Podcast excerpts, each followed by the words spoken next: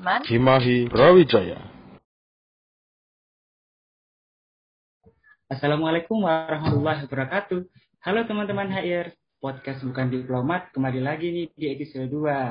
Di episode 2 ini, kenalin nih aku Rizky dari HI 2020 yang akan nemenin teman-teman di podcast kedua ini untuk beberapa menit ke depan.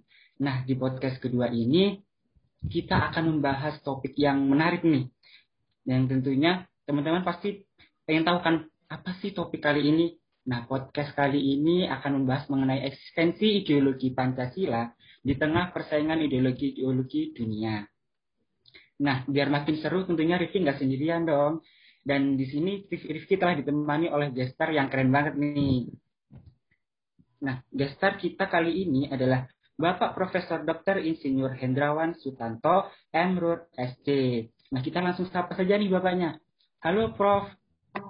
Hai, halo ya para penggemar dari podcast. Uh, sore hari ini uh, saya senang sekali bisa berinteraksi dengan kalian semua. Ya, semoga ini bisa menjadi bagian dari pencerahan kita semua dalam berbangsa dan bernegara, warga negara Indonesia yang sangat mencintai uh, NKRI yang dianugerahkan oleh Tuhan Yang Maha Esa dengan segala keindahan, segala keberagamannya, dan hal-hal yang lain yang membuat kita tinggal di wilayah tropis yang penuh dengan keanekaragaman hayati maupun keanekaragaman uh, sumber daya alam. Selamat jumpa. Baik-baik, terima kasih banyak Prof. Uh, Pertama-tama, Rizky mau mengucapkan terima kasih banyak pada Profesor Hendrawan karena sudah bersedia nih menjadi pemateri kita hari ini. Nah, sebelum kita berbincang-bincang lebih lanjut nih Prof, uh, Rizky mau mempersilahkan untuk Profesor Hendrawan memperkenalkan diri terlebih dahulu agar teman-teman bisa mengenal lebih dekat nih Profesor Hendrawan. Ya, uh, baik teman-teman uh, semua, ya saya ingin memperkenalkan diri saya sendiri. Nama saya Hendrawan Sutanto. Saya sekarang ini memang sebagai uh, pendidik di Universitas Brawijaya, di mana saya mulai mengabdikan diri sejak mulai menjadi mahasiswa yang ini sudah lebih dari 40 tahun yang lalu ya saya mengabdi di Universitas Brawijaya, tapi kalau dimulai dengan pertama kali saya masuk menjadi mahasiswa tahun 73, tentunya ini waktunya sudah hampir 50 tahun uh, saya berada di kota Malang ini. Dan mengenal perkembangan Universitas Brawijaya mulai dari belum punya apa-apa sampai sekarang menjadi sebuah perguruan tinggi yang sangat uh, bagus, termasuk yang terkemuka di antara perguruan tinggi Indonesia ini.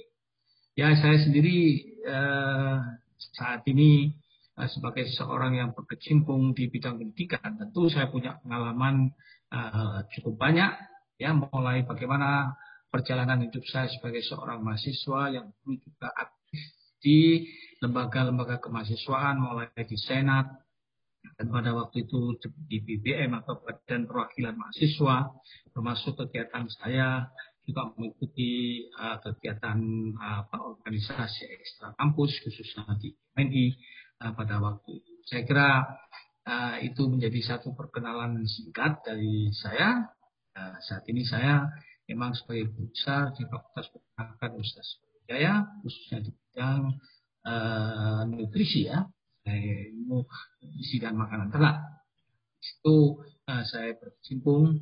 Uh, selain saya juga menjadi tim pengembang kurikulum pendidikan tinggi dan pernah menjadi tim uh, pengembang pendidikan karakter di Direktorat Jenderal Pendidikan Tinggi uh, Kementerian Pendidikan dan Kebudayaan sampai berubah jadi Kementerian Ristek uh, Dikti dan kembali Kementerian Pendidikan Kebudayaan Ristek. Ini saya kira sekedar Ya. Baik Prof, terima kasih atas perkenalannya. Wah ternyata Prof Hendrawan ini merupakan guru besar di Fakultas UB sendiri teman-teman. Jadi kalau nanti udah offline dan udah masuk kampus, teman-teman ketemu Profesor Hendrawan, jangan lupa disapa ya Profesor Hendrawan. Nah, mungkin ini langsung aja nih Prof berbincang-bincang mengenai ideologi Pancasila. Karena Rifki juga nggak sabar nih mau sharing-sharing sama Profesor Hendrawan. Nah, seperti yang kita tahu, Pancasila ini merupakan landasan negara dan juga pandangan hidup bangsa Indonesia kan Prof? Betul. Nah, untuk itu uh, Rifki pengen tahu nih bagaimana pandangan Profesor Hendrawan mengenai Pancasila menurut Profesor sendiri. Baik, ah, ini suatu pertanyaan yang sangat bagus sekali dan tentu semua orang pasti akan memiliki satu harapan tentang pertanyaan yang serupa. Kita semua yang sekarang mungkin sedang mendengarkan, saya yakin adalah para uh, mahasiswa atau kalayak yang memang terpelajar dalam artian semuanya pernah belajar di bangku sekolah tentang apa sebetulnya Pancasila dan kenapa ini harus ada dan harus kita pertahankan. Ini uh, menjadi satu hal yang sangat penting. Pertama-tama, mari kita coba menengok sejarah uh, bangsa kita ini sendiri. Indonesia ini adalah merupakan sebuah negara yang wilayahnya cukup luas Kalau kita tarik dari Sabang sampai Merauke, itu merupakan suatu wilayah yang setara dengan uh, wilayah di Ankara atau Istanbul, Turki sampai di Britania Raya.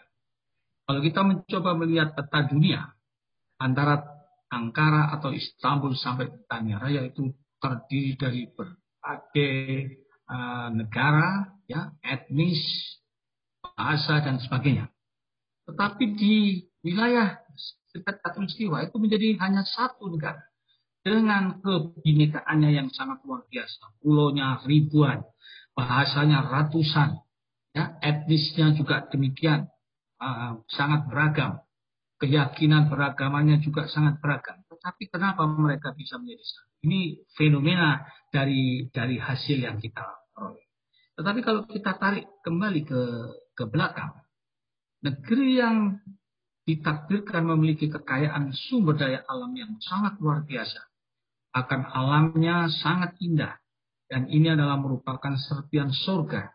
Karena apa yang tertulis di dalam kitab suci menggambarkan tentang surga itu semuanya ada di bumi Indonesia ini. Air yang mengalir, taman bunga, ya, kemudian aneka warna, wanita yang cantik dan sebagainya, semuanya ada di bumi Indonesia ini. Makanan pun sangat beragam, dari buah-buahan sampai dengan makanan yang berupa uh, karbohidrat yang lain ya maupun dari lemak, protein dan sebagainya. Kita juga dianugerahi 70% dari wilayah Indonesia ini berupa samudra yang kaya akan sumber daya laut. Di dalamnya terdapat ribuan jenis ikan yang memiliki nilai ekonomi sangat tinggi. Oleh karena itulah tidak mustahil bahwasanya negara kita menjadi incaran bagi bangsa-bangsa lain yang tidak dikaruniai kehebatan sumber daya alam Indonesia. Itulah pula sebabnya kenapa kita sampai dijajah sekian ratus tahun oleh bangsa-bangsa asing ya dari Belanda pernah di sini Inggris juga mampir di sini ada dari Portugis dan dan sebagainya ini semua tidak lain karena mereka tentu memiliki apa yang kita miliki hanya saja pada waktu itu mungkin kita mengalami satu masa di mana persatuan itu menjadi tidak kokoh sebagaimana pada abad-abad sebelumnya.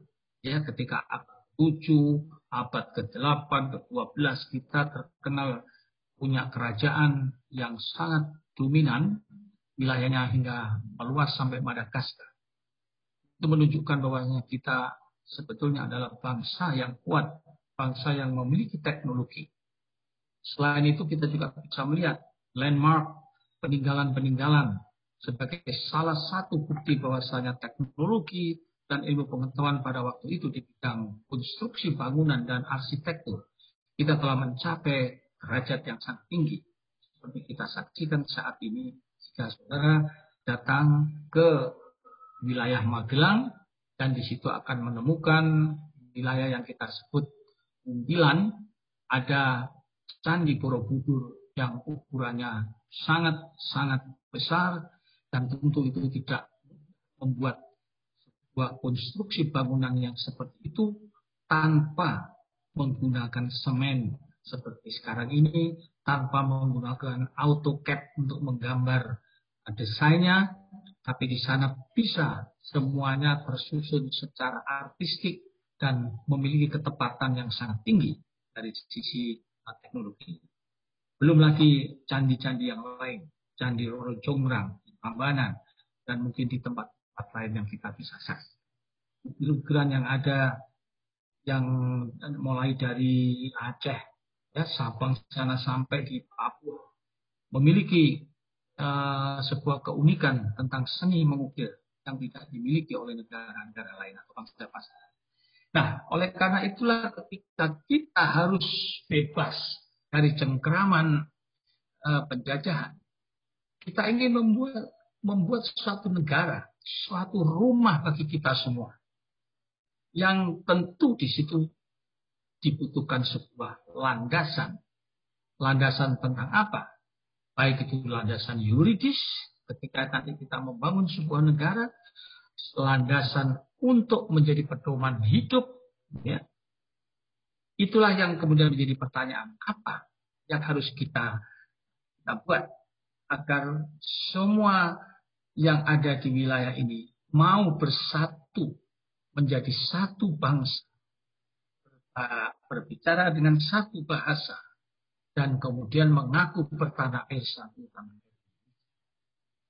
Itulah semua kita membutuhkan dasar yang sekarang ini. Telah memutuskan Dasar itu adalah Pancasila yang diawali dengan pidato para founding fathers kita ya antara tanggal 29 sampai tanggal 1 atau tanggal 2 Juli 1745 di hadapan sebuah uh, badan ya atau BKI pada waktu badan persiapan usaha Indonesia yang menanyakan apa dasar yang digunakan jika kita ingin merdeka Dan pada waktu itu, tahu di antara para pembicara hanyalah Insinyur Soekarno yang menyampaikan secara eksplisit bahwasanya dasar negara yang diminta sebagai filosofi Kronslah, sebagai sesuatu yang bisa digunakan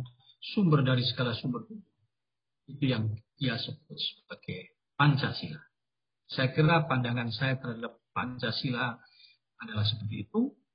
Kita tidak mungkin akan merubah dasar negara kita ini dengan yang lain, ya, karena ini pasti akan menimbulkan gejolak. Hanya Pancasila lah yang sudah terbukti sampai dengan saat ini mampu menyatukan kebinekaan yang kita miliki menjadi satu bangsa, yaitu bangsa Indonesia. Saya kira itu uh, pendapat saya. Wah, keren banget nih pandangan dari Profesor Hendra. Nah, berarti Pancasila itu merupakan representatif dari masyarakat Indonesia sendiri ya, Pak ya? Ya, pastilah. Nah, terus uh, apakah Pancasila ini murni hanya implementasi dari nilai-nilai luhur bangsa ataukah ada nih sedikit nilai yang mengambil atau dari ideologi-ideologi dunia yang lebih dulu bereksistensi di dunia nih Pak. Bagaimana menurut pandangan Pak ini? Ya, ketika kita harus menjawab pertanyaan itu, tentu kita harus uh, membaca tentang sejarah itu sendiri. Seperti tadi saya katakan, kita tidak bisa lepas ketika membahas Pancasila tentang bagaimana proses lahirnya Pancasila itu sendiri. Yang hari ini mungkin lebih sering dipolemikan oleh kelompok-kelompok tertentu. Apakah Pancasila ini lahir 1 Juni ataukah 18 Agustus? Ya. Itu nanti kita akan ke arah ke sana bagaimana sebetulnya uh, tentang pemahaman kita.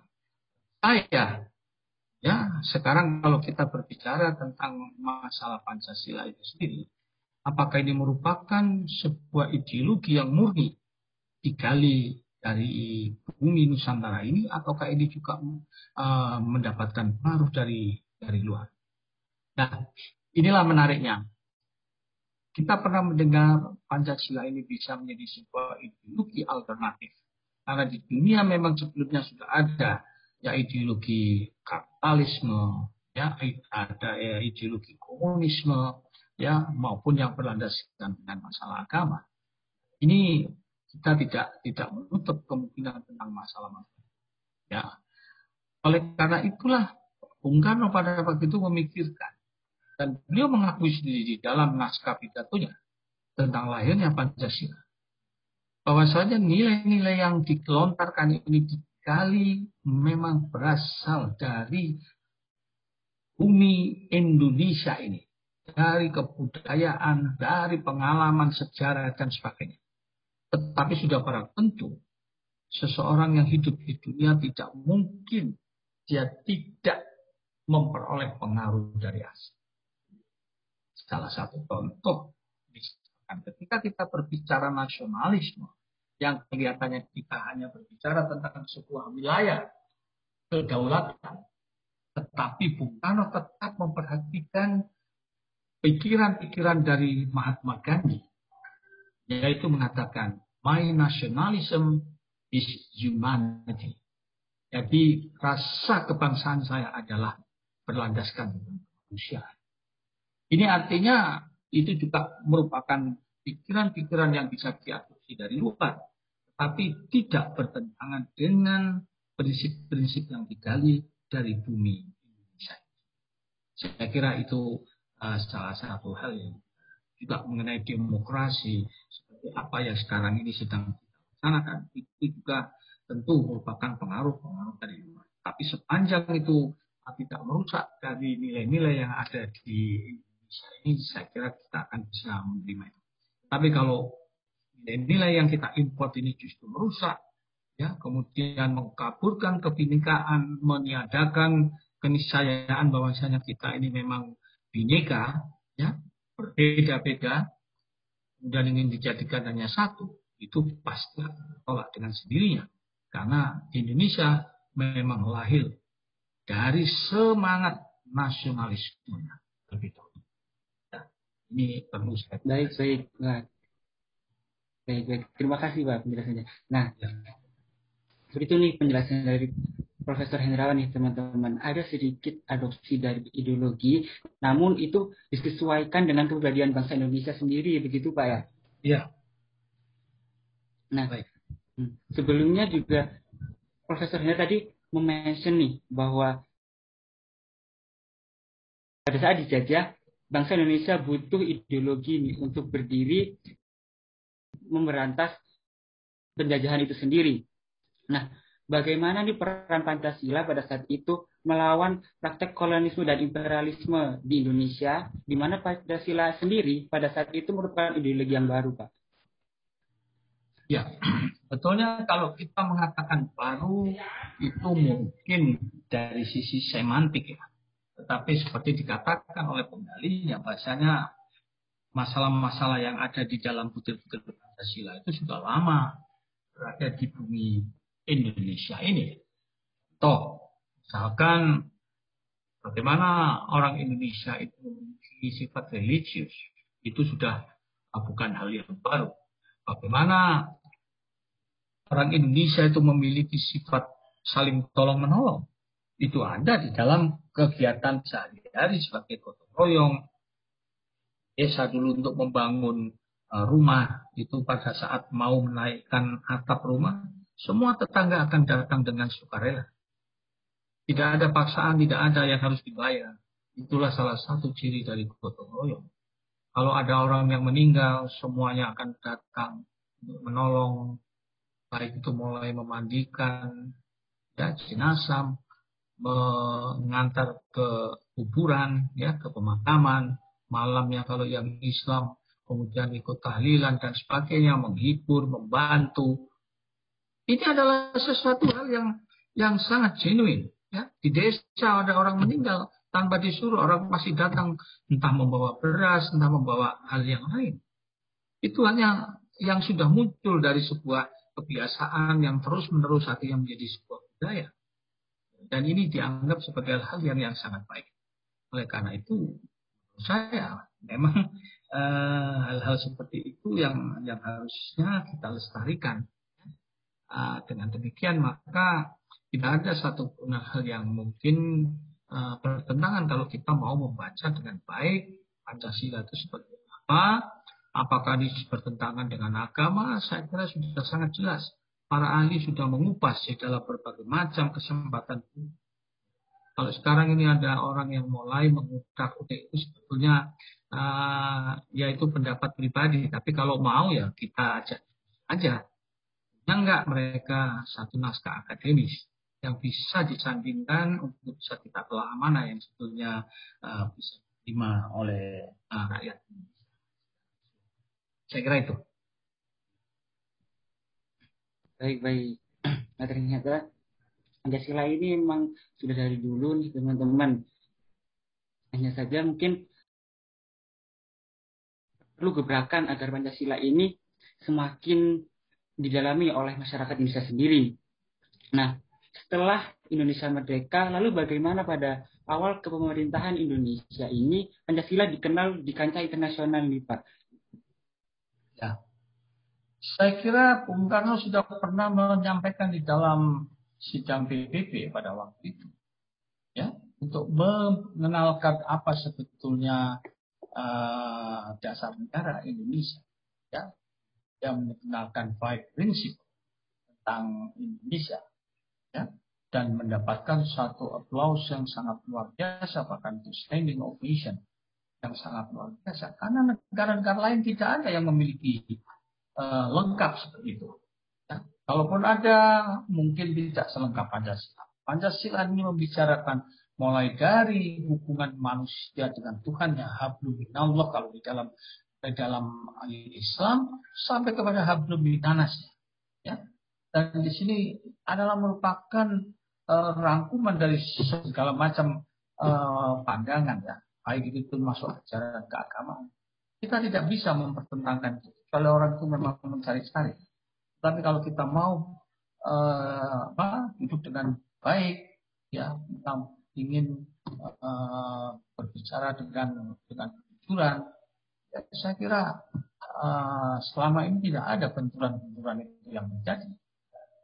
Kecuali memang ada orang-orang yang memang ingin ini dibentur-benturkan. Tapi kita sudah membuktikan bertahun-tahun tidak ada masalah.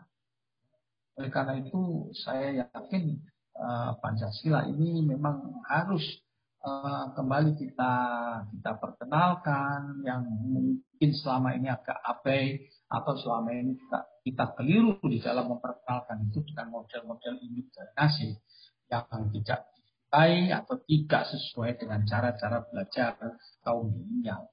Kita harus mencari modus bagaimana kaum milenial itu diingatkan bahasanya Pancasila ini adalah sebuah landasan ya sebuah platform kita di dalam berbangsa dan bernegara yang yang tidak mungkin kita kita geser kita kita goyahkan ya. Apa apa kalau kita ganti. Kalau kita ganti saya tidak tahu apa yang akan terjadi ya.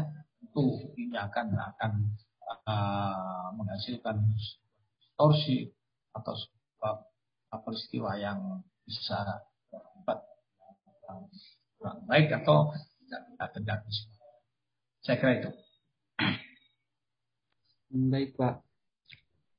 Nah, eh, ngomong-ngomong tentang pada masa sekarang nih, apa saja sih tantangan-tantangan dalam mengamalkan Pancasila atau mengenalkan Pancasila pada era globalisasi seperti ini? Tentunya berbeda kan dengan masa Soekarno dulu dan juga masa sekarang. Ya. Apalagi sekarang juga uh, ada pandemi nih Pak. Bagaimana ya. menurut Prof? Baik, saya kira simpel saja. Apa pun namanya, tidak hanya Pancasila, agama dan sebagainya. Kita itu hanya ingin satu kata dengan perbuatan. Jadi kita harus bisa menjadi contoh. Ya. Tidak hanya Pancasila, apa pun di dunia ini, termasuk agama. Ya, agama mengajarkan kebaikan, tapi kalau kemudian orang yang pandai mengatakan kebaikan dia tidak dia sendiri tidak bisa uh, tampil sebagai sosok yang dinilai orang menyebarkan kebaikan untuk apa? Ini menjadi pertanyaan yang sangat krusial. Uh, generasi milenial adalah generasi yang pragmatis. Dia tidak ingin terlalu teoritis, tapi dia ingin sesuatu yang real. Ya. Contohnya, kalau dia menggunakan gadget untuk apa?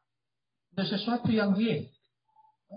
Dia bukan untuk dibawa ke sana kemari seperti orang-orang yang ya mohon maaf yang usianya tua punya iPhone tapi hanya digunakan untuk WA, SMS atau mungkin foto sama berbicara. Padahal di dalamnya itu banyak sekali uh, apa software atau piranti lunak yang bisa macam-macam. Ya. Tapi generasi milenial kalau dikasih iPhone, wah mainannya macam-macam mulai dari yang saya sebutkan tadi ya dia main game main apa saja dan dan seterusnya. Ini menunjukkan bahwasanya memang generasi milenial harus didekati dengan sesuatu yang memang sesuai dengan zamannya. Ya, dia tidak perlu diberikan indoktrinasi yang terlalu uh, dalam, tapi diberikan peluang untuk bisa membaca sendiri. Ya, diberi tantangan. Kalian semua, saya yakin tidak ada yang ikut kursus bagaimana menggunakan podcast. Tapi kenapa kalian bisa? Karena kalian adalah generasi milenial yang tidak perlu diindoktrinasi, belajar sendiri. Akhirnya bisa. Ya, memanipulasi, membuat animasi. Tidak ada yang ikut sekolah khusus tentang masalah itu. Inilah uh, salah satu cara-cara uh, pembelajaran barangkali yang penting untuk diterapkan termasuk yang Pancasila. Saya kira itu. Iya iya benar banget nih Pak. Jadi ya. me lebih menyesuaikan dengan apa interest dari generasi sekarang begitu Pak ya. Baik, saya kira. Nah, lalu di dalam masa sekarang juga Pancasila juga tengah bertarung nih dengan ideologi-ideologi yang mungkin sudah mendunia seperti contohnya yaitu ideologi kapitalisme nih Pak. Nah, bagaimana Pancasila menyikapi ancaman-ancaman dari ideologi yang datang dari luar yang tidak sesuai dengan kepribadian bangsa Indonesia? Baik, saya kira ancaman itu sudah dari dulu ya. Jadi sebelum itu resmi dikali, kita juga sudah menghadapi paham-paham yang ada di itu. Ya. Oleh karena itu, kenapa uh, ketika Indonesia ini diproklamasikan dan kita memilih untuk menggunakan dasar negara Pancasila. Tidak lain sebuah negara itu salah satu apa prasyaratnya. Dia harus memiliki kedaulatan. Ya. Kedaulatan itu berarti kita menguasai wilayah yang diakui oleh orang lain. Ya. tadi di sini ada rekognisi. Untuk kita bisa dikatakan berdaulat kita memang harus kuat dalam hal apa? Pertahanan misalkan. Ya. Oleh karena itu, kalau kita ini punya uang, kita bisa membuat pertahanan itu dari sisi uh, peralatan uh, perang misalkan, ya, atau memiliki apa saja teknologi yang bisa memproteksi wilayah kita. Tetapi kalau kita tidak kuat di sana, apa yang harus kita kuatkan? Ya masyarakatnya. Yang harus bisa kita satukan merasa memiliki wilayah ini. Sehingga dia ikut bertanggung jawab. Jangan sampai ada bangsa lain, bangsa asing yang akan merebut wilayah kedaulatan. Maka di sinilah pentingnya kita mengetahui wawasan kebangsaan karena hambat apa rongrongan itu berasal bisa dari eksternal, bisa juga dari internal. Oleh karena itu, generasi muda harus diberikan wawasan, diberikan bekal bahwasanya ini adalah rumahmu, rumah besarmu yang disebut NKRI. Kalau kamu mau menjaga rumahmu ini menjadi milikmu, ya jagalah dengan baik. Dengan cara apa?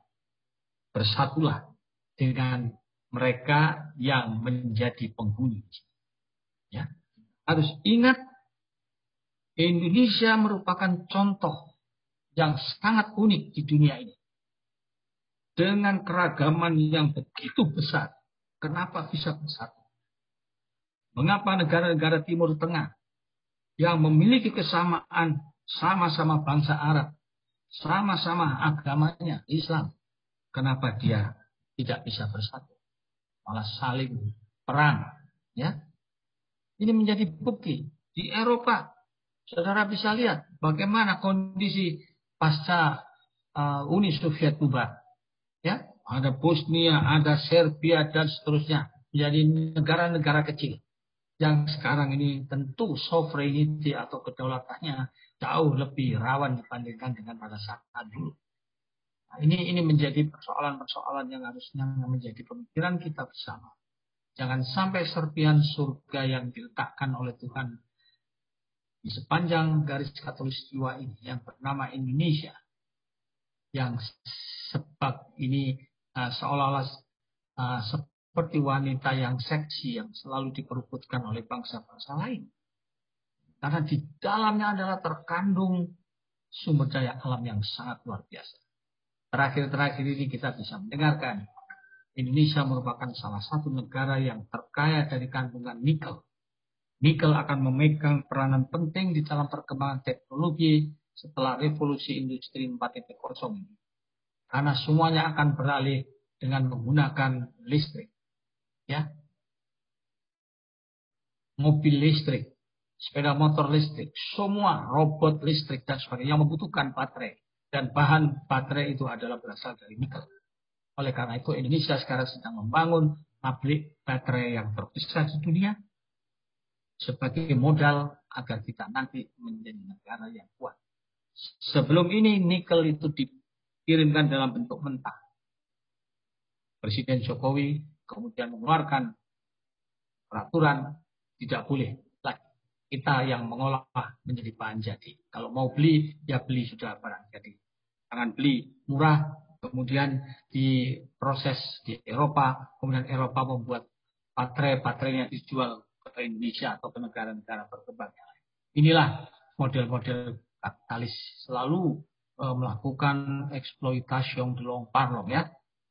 Ya, selalu me, me, apa itu mengeksploitasi ya bangsa-bangsa lain untuk kepentingan mereka. Ini yang yang ingin saya sampaikan kepada kalian. Terima kasih.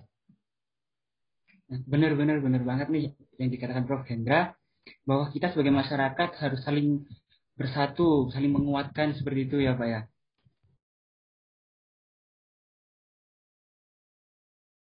Nah, tadi juga ngomong-ngomong mengenai generasi muda nih penting juga generasi muda dalam meneruskan perjuangan Pancasila ini sendiri. Dan kita tahu terobosan yang Kemendikbud barusan buat yaitu mengeluarkan profil pelajar Pancasila. Nah, apakah ini merupakan suatu upaya untuk meningkatkan eksistensi Pancasila melalui generasi muda untuk dikenalkan atau dibuatkan lagi di bangsa kita sendiri maupun di kancah internasional? Bagaimana menurut Profesor? Baik, saya kira tidak keliru kalau saudara mengatakan begitu. Memang kita sekarang sedang berbicara tentang mengembalikan jati diri bangsa Indonesia sebagai apa pelajar ataupun mahasiswa ataupun sarjana yang berkarakter Pancasila. Apa itu karakter Pancasila? Kita sudah jelas di situ. Orang yang betul-betul memiliki karakter Pancasila pasti mereka yang religius. Religius dalam artian apa? Dia mengakui bahwasanya manusia ini tentu ada penciptanya yang memiliki segalanya. Tetapi lebih daripada itu, ajaran yang maha kuasa itu intinya adalah kasih sayang. Intinya adalah menjadi rahmat bagi seluruh alam semesta ini. Di situ terkandung pesan bahwasanya Tuhan menciptakan manusia ini dari ber, sebagai bangsa bersuku agar kita saling memahami satu dengan yang lain. Itu adalah inti yang harus kita jaga. Manusia hanyalah makhluk ciptaan Tuhan. Oleh karena itu, kita diberikan satu amanah agar kita berbuat baik di muka bumi.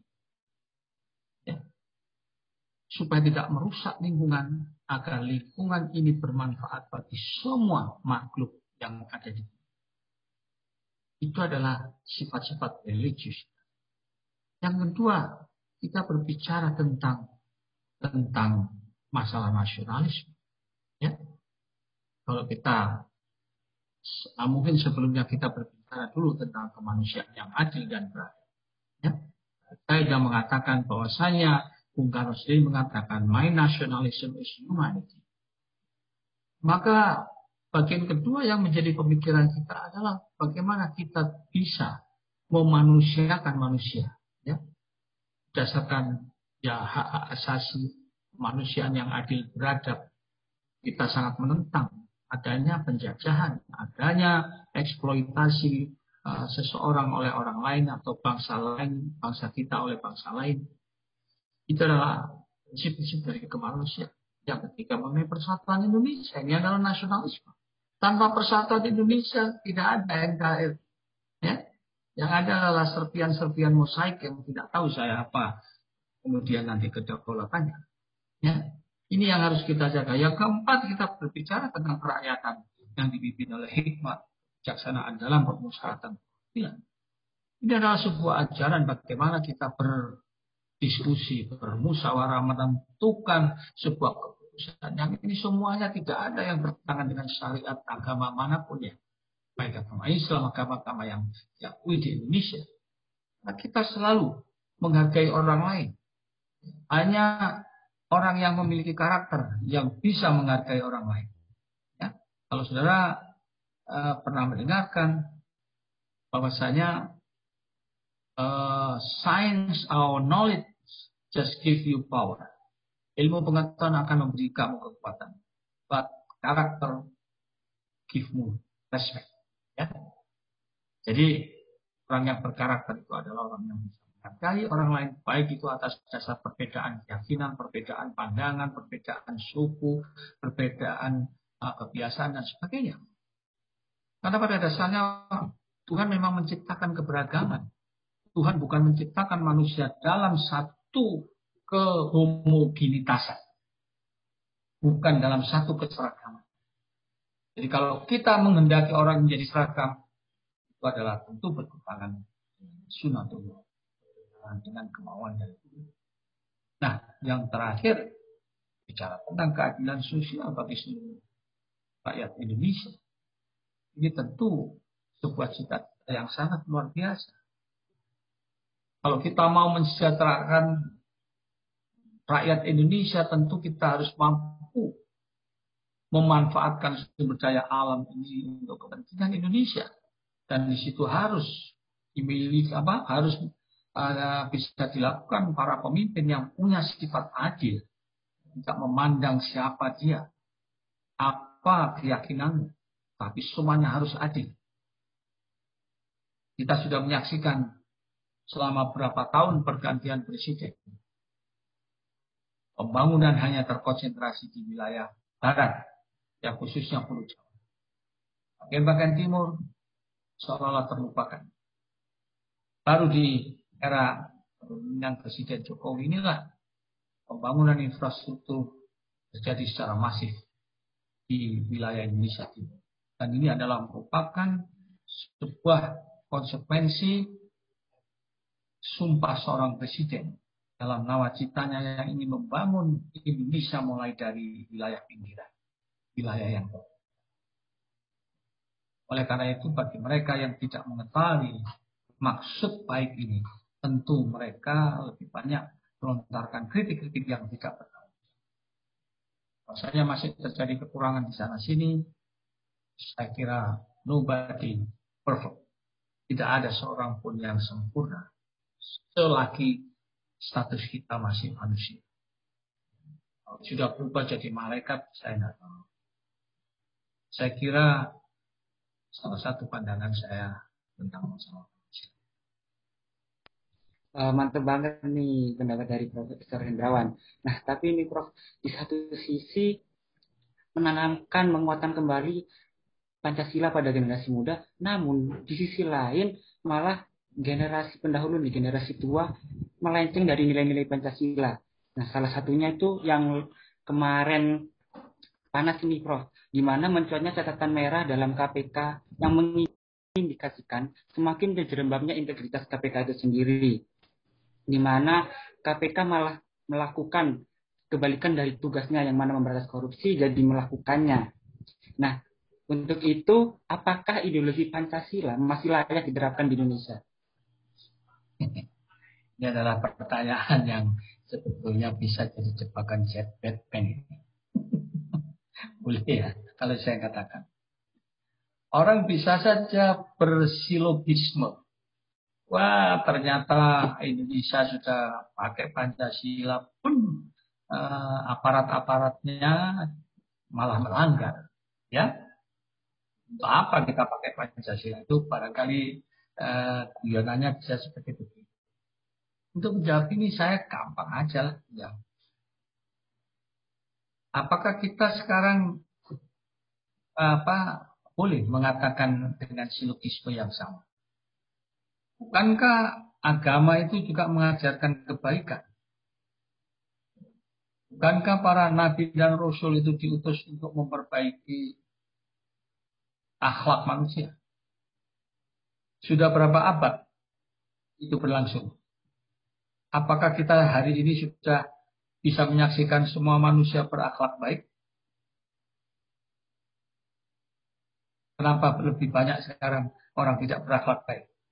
Apa kemudian lantas kita mengatakan untuk apa kita beragama?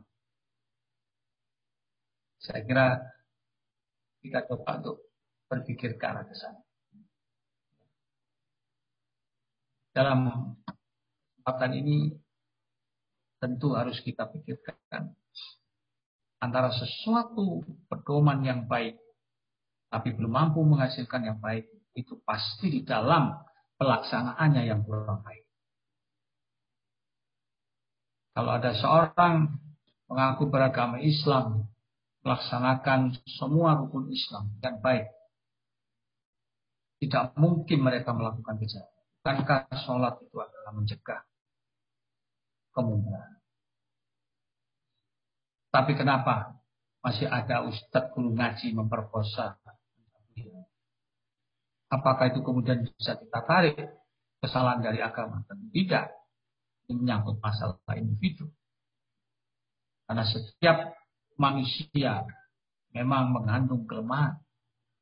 Mengandung sebuah kelemahan untuk mudah digoda oleh setan. Dan itu adalah janji setan sendiri kepada kita yang akan selalu membuat. Oleh karena itu, alangkah baiknya ya, di dalam kehidupan apa saja, berorganisasi, berbangsa, bernegara. Kita diingatkan di dalam agama juga. Kalau yang beragama Islam mengatakan, ya Kita harus saling mengingatkan tentang hal yang baik. Kapan saja pada rekan kita kalau mau berbuat yang kurang baik, kita ingatkan. Itu adalah esensi. Kalau sekarang masih terjadi di KPK, di DPR, di mana, mungkin sistem kontrolnya yang harus kita bikin. Ya, supaya mereka betul-betul menghayati, mau uh, melakukan hal yang baik. Karena definisi karakter itu sebetulnya simpel aja. Pertama, mereka tahu hal yang baik. Kedua, dia mau melakukan hal yang baik itu. Dan ketiga, dia mau mencintai yang baik. Kalau tiga ini bisa dilakukan, maka karakter kita sangat bagus. Ya. Kita tidak perlu banyak polisi. Swiss tanpa polisi aman, menyenangkan, bahagia, di Swedia dan sebagainya.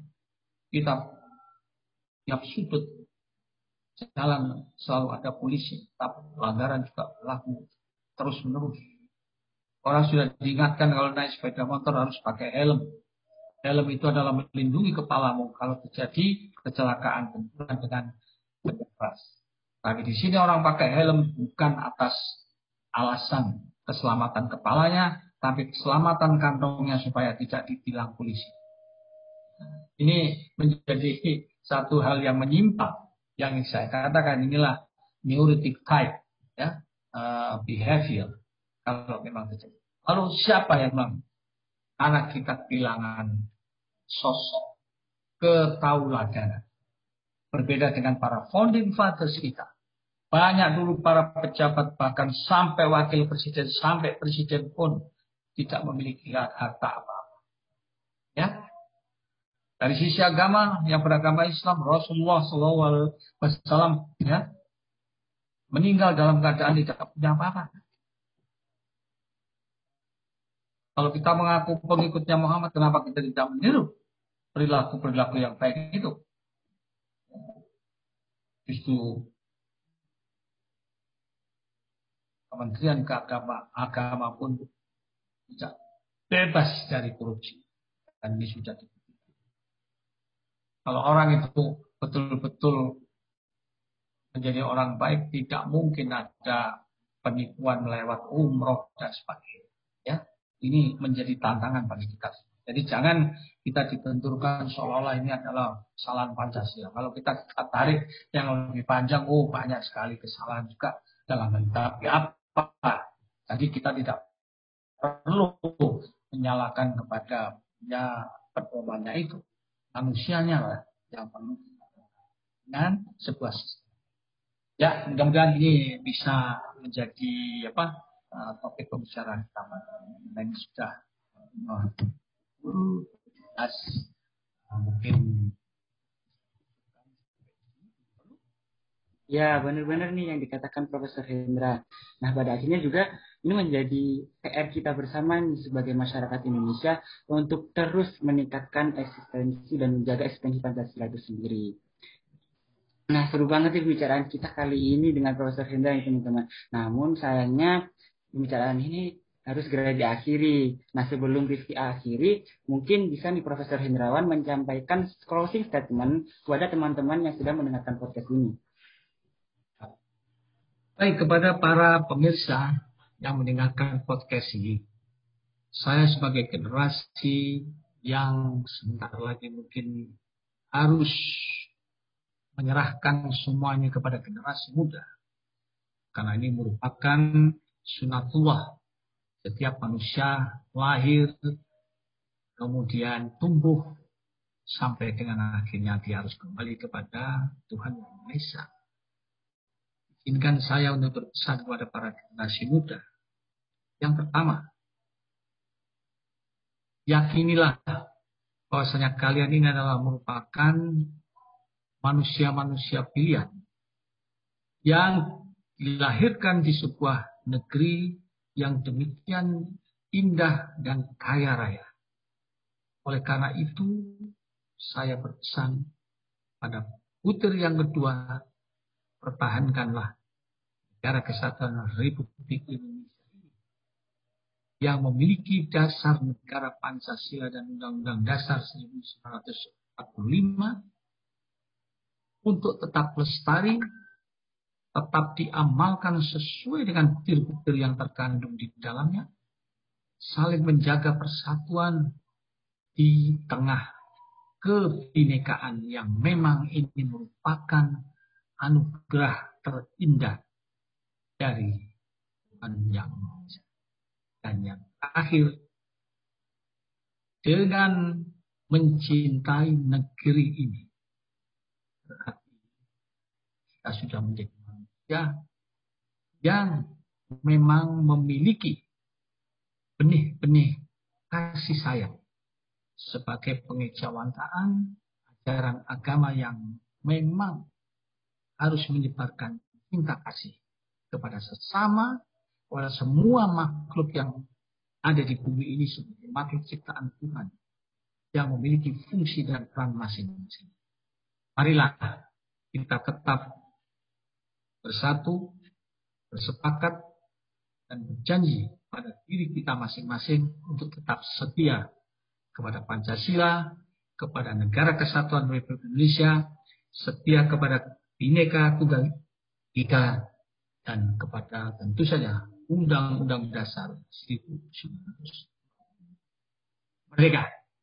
Salam sehat dan salam persatuan Indonesia untuk semua. Terima kasih. Terima kasih kembali Prof. Nah, ini teman-teman diingat ya pesan-pesan dari Profesor Hendrawan tadi. Nah, untuk itu Rizky juga berterima kasih pada Profesor Hendrawan atas pemaparan pemaparannya yang keren banget dari tadi. Dan Rizky jadi juga lebih mengetahui mengenai Pancasila. Nah, teman-teman, mungkin sampai di sini dulu ya podcast kita kali ini. Namun teman-teman tetap pantengin terus nih podcast bukan diplomat untuk episode-episode selanjutnya. Dan akhir kata, wassalamualaikum warahmatullahi wabarakatuh. Kita bertemu di podcast bukan diplomat selanjutnya. Terima kasih. Dadah.